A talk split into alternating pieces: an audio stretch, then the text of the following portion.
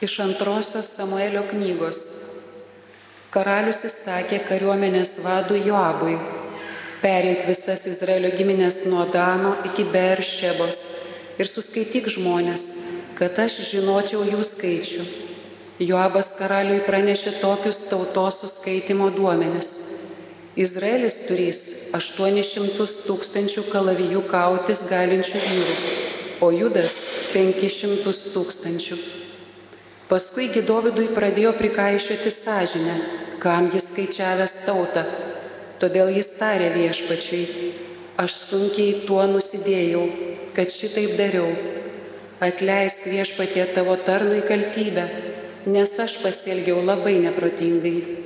Ryta Dovydui keliant, pranašui Gadui, Dovydo žiniui, pasigirdo viešpatie žodis, eik ir pranešk Dovydui Tai sako viešpats, aš tau pateikiu tris dalykus, vieną iš jų išsirink ir tai išsipildys.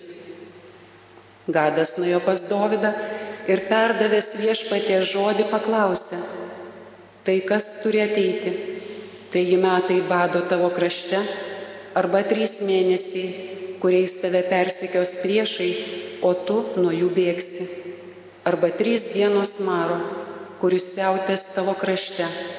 Gerai pagalvok, ką aš turiu atsakyti tam, kuris mane siuntė. Dovydas Gadui atsiliepė. Labai man baugu. Geriau mums pakliūti į viešpaties rankas, nes didis yra jo gailestingumas. Žmonėms į rankas nenorėčiau patekti. Tad viešpats užleido Izraeliui marą. Jis tęsiasi nuo nuo ryto iki nustatytos dienos ir tautoje nuo Dano lygi Beršebos išmirė 70 tūkstančių vyrų. Ištiesus angelui ranką Jeruzalės linkui, kad ją pražudytų, pagailo viešpačiui blogio ir tarė jis angelui ištinkančiam žmonės, gana, nuleisk savo ranką. O angelas stovėjo šalia Jebuzito ar Raunos klojimo. Švydęs angelą, žudantį žmonės, Dovydas viešpačiui tarė, tai aš nusidėjau, nusižengiau aš, o šitos avelės, ką josgi padarė, tad kelk savo ranką prieš mane ir prieš mano namus. Tai Dievo žodis. Dievo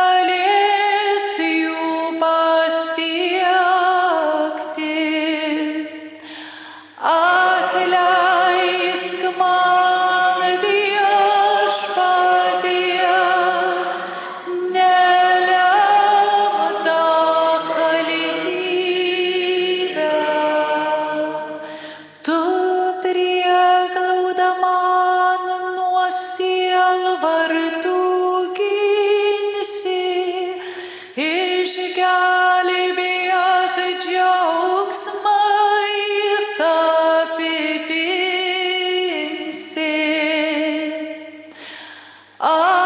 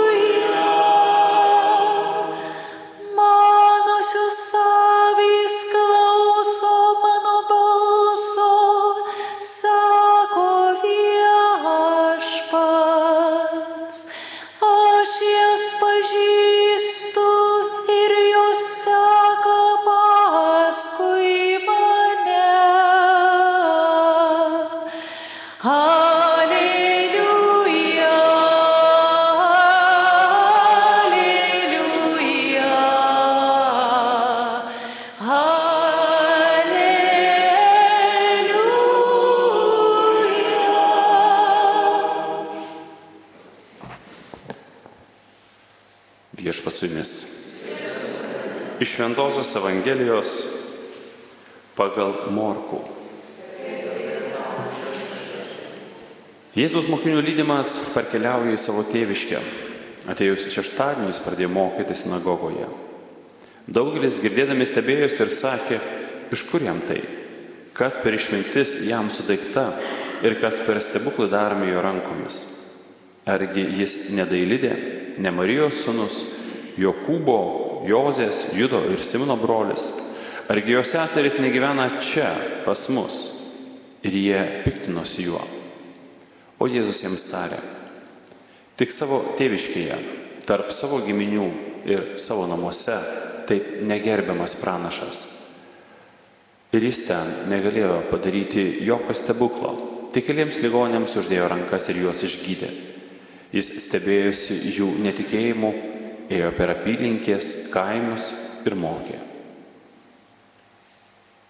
Tai viešpatė žodis.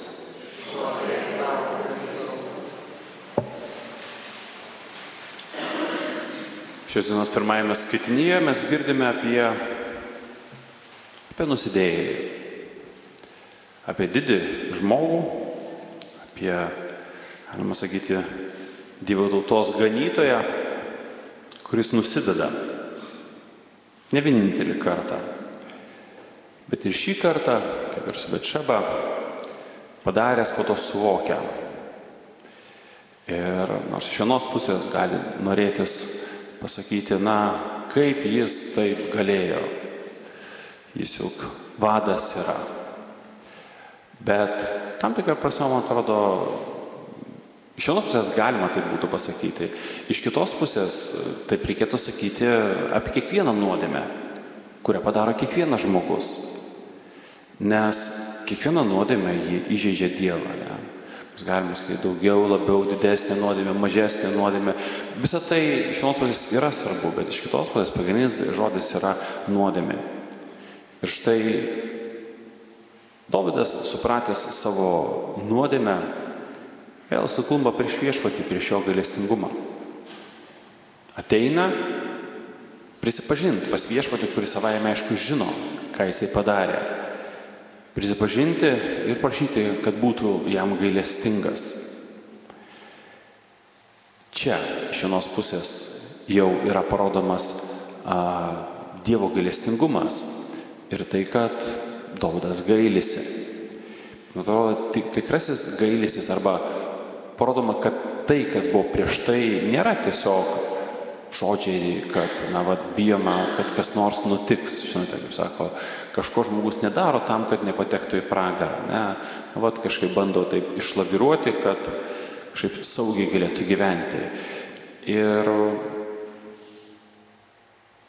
pasakyti žodžius gali būti ir sunku, bet dėl to, kad nieko blogo nenutiktų, visai galima pasakyti. Bet tai, kas įvyksta skaitinio pabaigoje, parodo iš tiesų jautrę Davido širdį. Žmogišką širdį, širdį, kuri nusideda, kuri kartais atsitraukia nuo viešpaties, nes atrodo, na, kas čia blogo yra armijos kariuomenės suskaičiavime, kiek yra vyrų. Net ir šventame rašte sakoma, ne, kad jeigu ateina prieš tave na, vat, kitas priešininkas, tai tu pirmiausia pasižiūri, ar na, vat, tavo kariuomenė galės įveikti tą kariuomenę, ar tavo galios yra kaip minimum tokios pačios arba netgi didesnės negu to, kuris ateina. Ir jeigu ne, tada siunti pasintinius. Tai atrodo irgi tam tikrą prasme yra toksai pasižiūrėjimas, pasiskaičiavimas, pasilyginimas. Bet šioje vietoje labai aiškiai yra kalbama apie tai, kad tas suskaičiavimas yra nepasitikėjimas Dievu. Tapsime, Dievas gerai, viskas tvarkoj, bet gyvename pavojingame amžiuje. Todėl, na, aš noriu žinoti, ar mes esame pajėgus atstovėti, kai mus puls, ar aš galiu savo ramiai gyventi, nu, nesirūpindamas, nes turiu stiprią kariuomenę, turiu stiprią jėgą. Bet to pačiu yra sakoma, kad, na, Dieve, aš pats Ne? Mes susitvarkysime patys, labai fainai. Tu tiesiog mums, vad, netrukdyk. Ar jisai norėjo tai pasakyti samoningai? Savaime aišku, kad ne, nes tolimesni veiksmai labai aiškiai parodo, kad jis to neturėjo, jis supratęs, jisai puola atgailauti.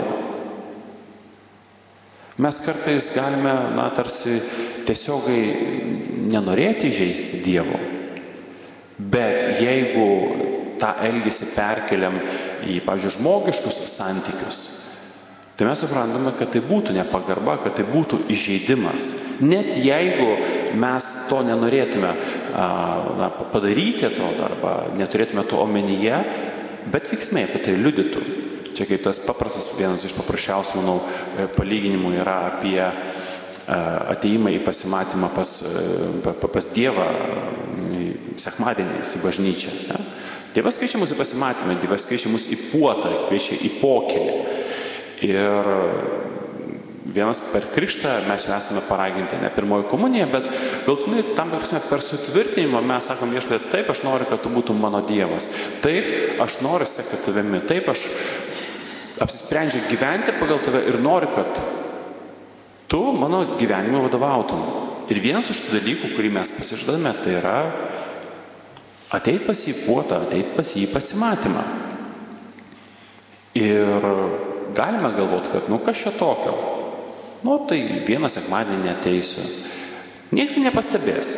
Na, ypatingai jeigu, pažiūrėjau, parapė didesnė arba žmogus nėra įsijungęs į bendruomenę, tiesiog ateina sekmadieniais.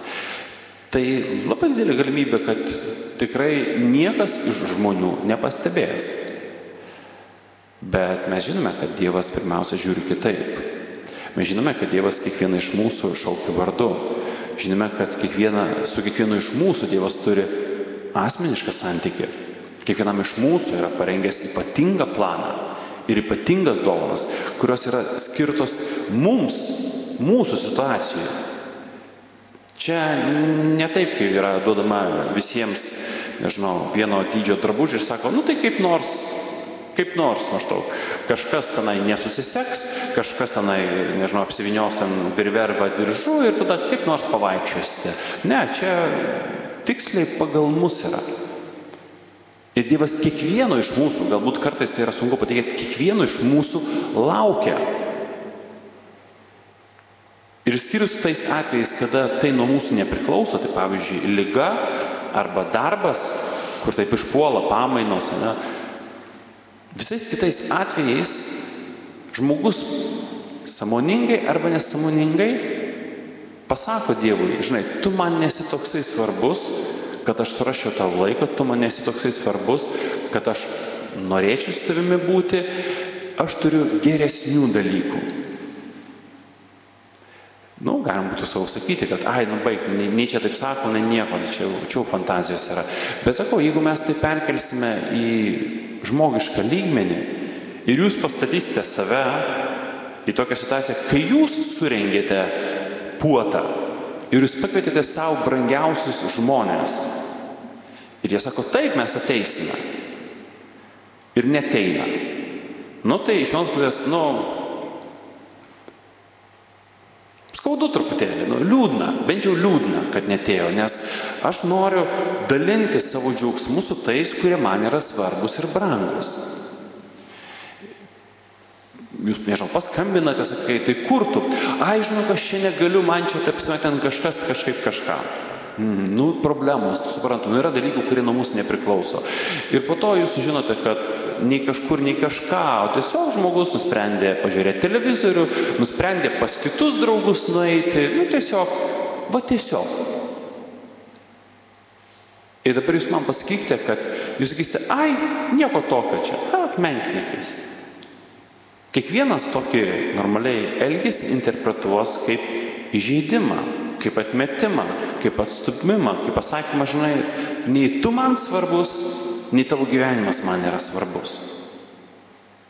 Nu žmogiškai juk taip. Ir nepriklausomai, kad žmogus, kuris tai padarė, nenorėjo visiškai to atrodo pasakyti, bet, bet pats elgesys vis dėlto išreiškia tai, kas viduje taip yra. Nesutikite, jeigu mums svarbu, mes dedame visas pasangas, kurias galim. Kartais nepavyksta. Taip. Bet mes tengiamės ir, ir jeigu nepavyksta, ir tiek, kiek tame mūsų yra kalties, mes tikrai atgailaujame, mes tengiamės tada atitaisyti, kaip tai yra įmanoma. Šios dienos e, pirmajame skaitinyje mes girdime, kai Dievas duoda pasirinkti a, tris žalas, kurios yra įmanomos ir a, iš dalies atrodo, Dovydas labai protingai elgėsi, nes, na, sako, jau į žmonių rankas nenori pakliūti, nes, na,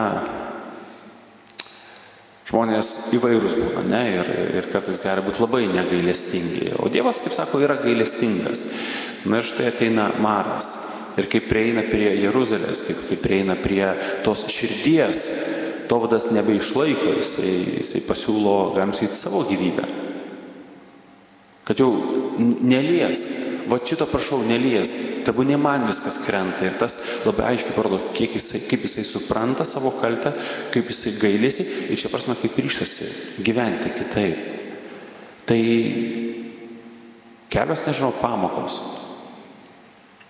Klystame visi, darome klaidas visi, didesnės arba mažesnės. Manau, kad daugelis iš mūsų suprantame anksčiau ir vėliau, ką padarėme. Ir atgailaujame. Ir visiems mums reikia gailestingumo. Gailestingumo iš Dievo, savaime aišku, bet gailestingumo ir viena, iš vienas kito. Nes Dievas atleidžia, bet mes per savo veiksmus iš tiesų leidžiam tam gailestingumui labai aiškiai veikti mūsų gyvenimuose. Kas būtų, jeigu Dievas nebūtų dovanojęs Dovydui? Manau, daug, daug gerų dalykų nebūtų įvykę.